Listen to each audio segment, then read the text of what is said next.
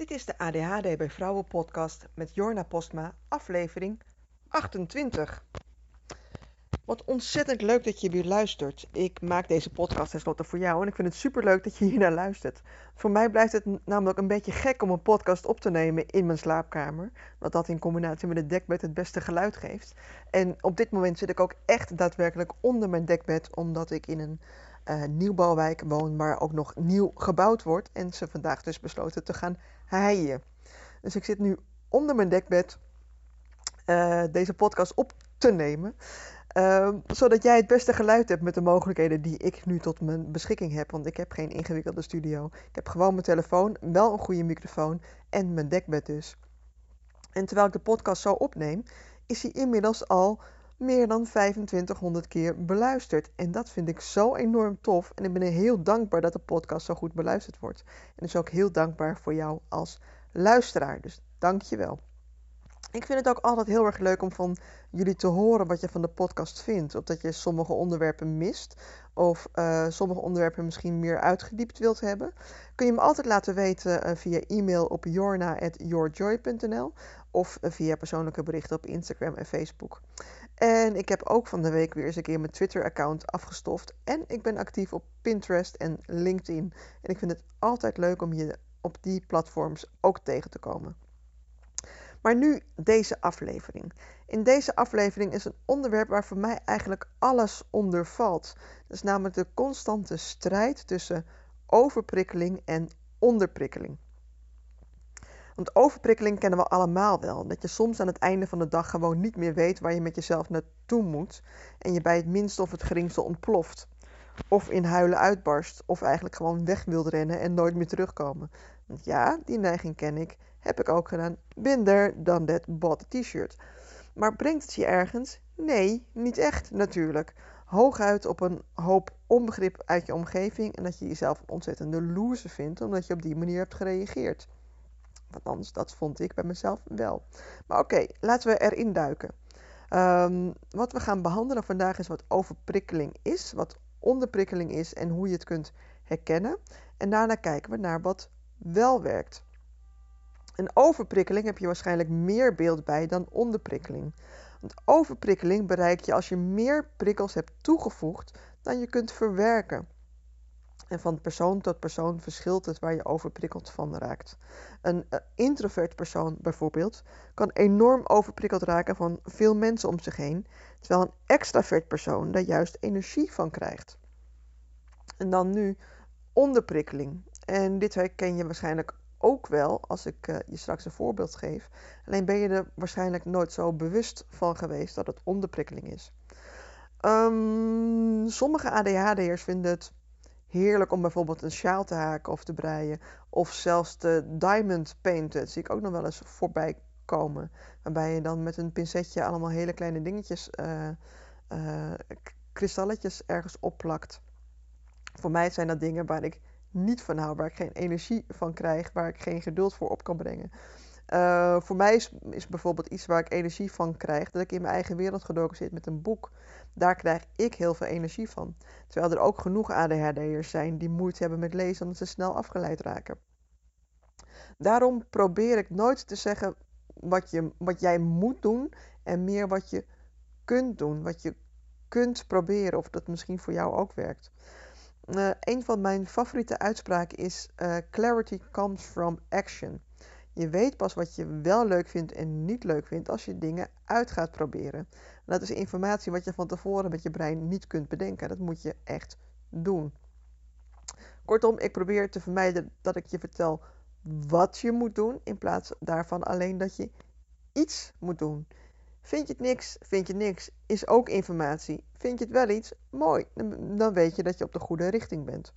Want vaak zijn we zo bang om stappen te zetten. De wat als vliegen je om de oren.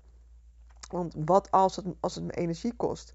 Mooi, dan weet je dat. Dat is waardevolle informatie. En dan weet je dat het de volgende keer niet weer moet doen. Of in ieder geval niet meer op diezelfde manier. Dat je het op een andere manier moet aanvliegen. Alles is informatie. En wat als ik faal? Wat als het me niet lukt? Ja, nou en? Dan lukt het niet. Of lukt het je niet in één keer. Door de eerste poging heb je wel gevoeld hoe het is en heb je weer meer informatie om het de volgende keer anders te doen wat je in je hoofd niet kunt bedenken. Dat is dus echt van persoon tot persoon verschillend waar je energie van krijgt en wat energie kost. En daar kom je alleen maar achter door te doen. En dat geldt natuurlijk niet alleen voor hobby's, want op dat vlak is het niet zo moeilijk om uit te zoeken waar je energie van krijgt en waarvan niet. Je, uh, als je een beetje op mij lijkt, heb je ook al honderdduizend hobby's uitgeprobeerd. Uh, en, niet, afgemaakt, omdat het op de lange termijn toch niet leuk genoeg bleek te zijn. Op, want op dat, dat vlak is het niet zo moeilijk om uit te zoeken waar je energie van krijgt en wat niet. Het is redelijk zonder risico. Maar op werkgebied of op het gebied van relaties is het vaak lastiger. Of eigenlijk is het niet lastiger, maar voelt het lastiger omdat er meer op het spel staat. Want je hebt die baan misschien wel nodig om je huur of hypotheek van te kunnen betalen. En uh, het is een hele slechte reden voor een relatie, maar die relatie heb je misschien ook wel nodig voor diezelfde redenen. Natuurlijk niet echt de beste reden om een relatie in stand te houden. En op het eerste gezicht misschien wel de beste reden om je baan te houden zoals het nu is. Maar als je er wat dieper over nadenkt, misschien ook wel niet. Want nu is je baan misschien de reden dat je je rekeningen kunt betalen. En ja, ik begrijp heel goed dat het heel belangrijk is. Dat is natuurlijk zo, daar is niks mis mee. Ik moet natuurlijk namelijk ook gewoon mijn rekeningen betalen en mijn steentje bijdragen aan de maandelijkse kosten. Maar, en ik probeer het gebruik van het woordje maar zoveel mogelijk te beperken, maar hier is hij echt op zijn plaats. Maar is je baan en die zekerheid dat je rekeningen betaalt de moeite waard als het ten koste gaat van je geestelijke gezondheid? En dan bedoel ik, is het de ellende van een eventuele burn-out waard? Of eh, de ellende van een depressie waard? Een burn-out en depressie zijn beide zijden van dezelfde medaille. Bij burn-out ben je te lang overprikkeld geweest, of juist te lang onderprikkeld, waardoor je letterlijk opgebrand bent, omdat je toch doorgaat. En uh, depressie kan ook komen door te lange onderprikkeling. Want waar overprikkeling de bovengrens aangeeft, geeft onderprikkeling de ondergrens aan. En dan komen we als vanzelf op het onderwerp onderprikkeling. Want waar veel mensen bij overprikkeling nog wel een beeld hebben, is dat je te veel prikkels in je omgeving hebt en daardoor uitgeput raakt, is dat bij onderprikkeling veel minder snel duidelijk. Laat ik dit illustreren met een voorbeeld. Je doet werk wat je niet echt leuk vindt. Je komt thuis, doodop. Kijkt dus om je heen. dat huis, dat mag wel weer een stofzuiger doorheen. De vaatwasser uitgeruimd en dan was zit al drie dagen in de machine. Je had eigenlijk vanavond met die vriendin afgesproken om vanavond te gaan sporten. Maar dan kun je je nu echt niet toezetten. Op het laatste moment app je een afberichtje. En eigenlijk zou je gezonder gaan eten en zelf koken. Hmm, nu echt geen zin in, kan me echt niet toezetten. Dus toch maar weer een snelle pasta of een diepvriespizza. En tijdens het eten heb je kinderen hele verhalen, maar je kunt ze niet aanhoren. Dus je maand ze tot stilte en je eet je bord leeg. Met je laatste beetje energie breng je de kinderen naar bed om daarna op de bank te ploffen met de afstandsbediening, een pak koekjes en je telefoon binnen handbereik.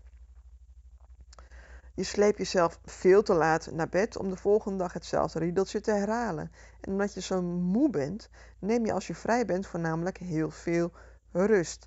Alleen de vermoeidheid gaat er niet van over, sterker nog, het lijkt wel erger te worden. En waarom lukt het andere mensen wel en jou niet?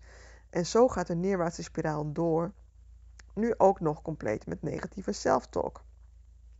Maar oké, wat heeft dit voorbeeld te maken met ADHD, onderprikkeling en die depressie. Don't worry, daar kom ik echt op. Maar ik ben namelijk wel erg benieuwd of dit plaatje wat ik hier schets jou bekend voorkomt. En om meteen maar met mijn eigen billen bloot te gaan, dit is wel hoe mijn leven er een jaar of wat geleden uitzag. Mijn leven is sindsdien een heel stuk beter geworden, gelukkig.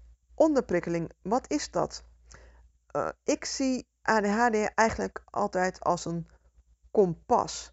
Dat je als ADHD'er precies weet um, wat je wel en wat je niet leuk vindt. Dus, dus dat, dat je precies weet of je iets doet waar jij echt gelukkig van wordt, wat jij echt wilt. Omdat als je het niet doet, dat onnoemelijk veel meer energie kost. Uh, een niet-ADHD'er bij, bijvoorbeeld.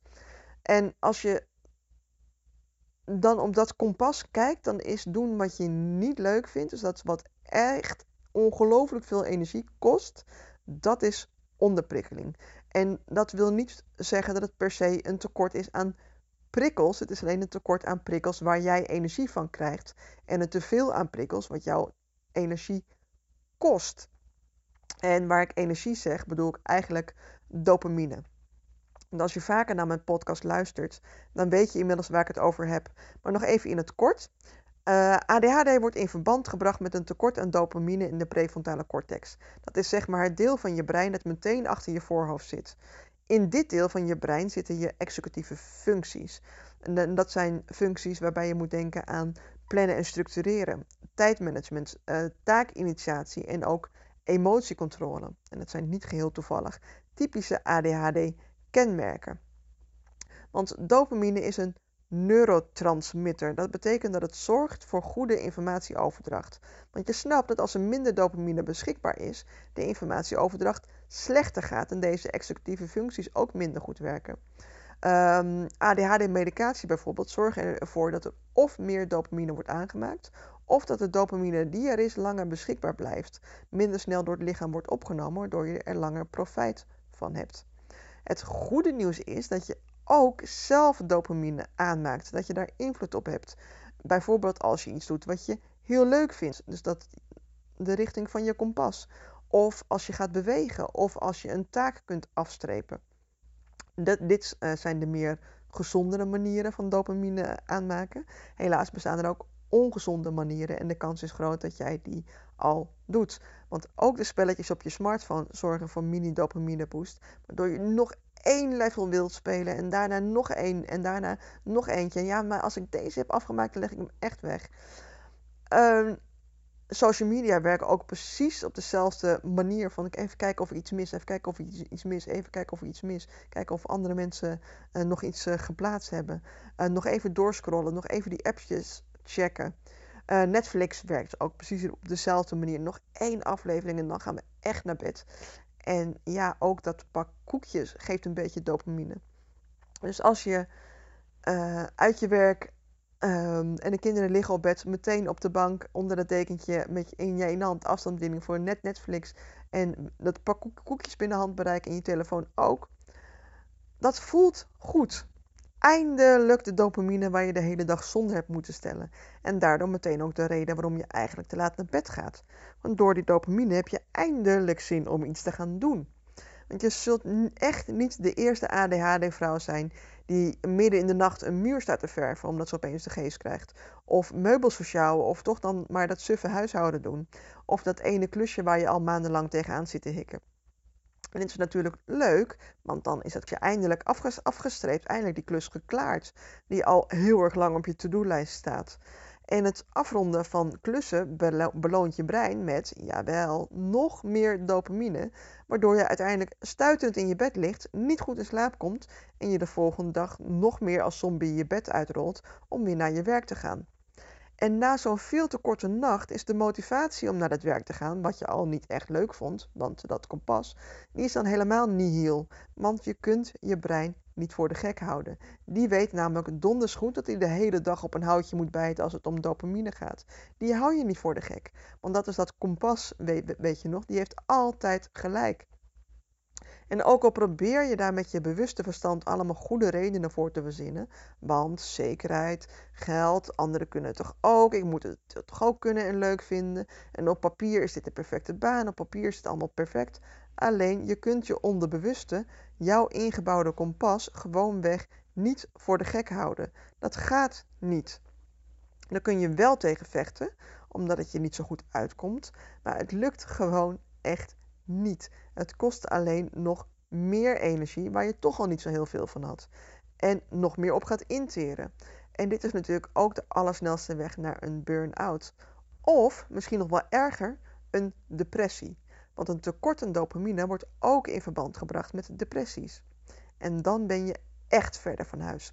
En ik hoor je nu al zeggen, ja, dat is allemaal heel helder en zo, maar ik kan toch niet zomaar mijn baan opgeven en iets gaan doen wat ik leuk vind. Zo werkt het leven toch niet. En misschien is dat inderdaad niet zo heel slim om nu super impulsief je baan op te zeggen. Impulsiviteit is natuurlijk ook een ADHD-kenmerk. Um, om je baan op te zeggen zonder plan wat je dan gaat doen. Als een kip zonder kop maar wat rondjes rennen, brengt je ook geen stap verder.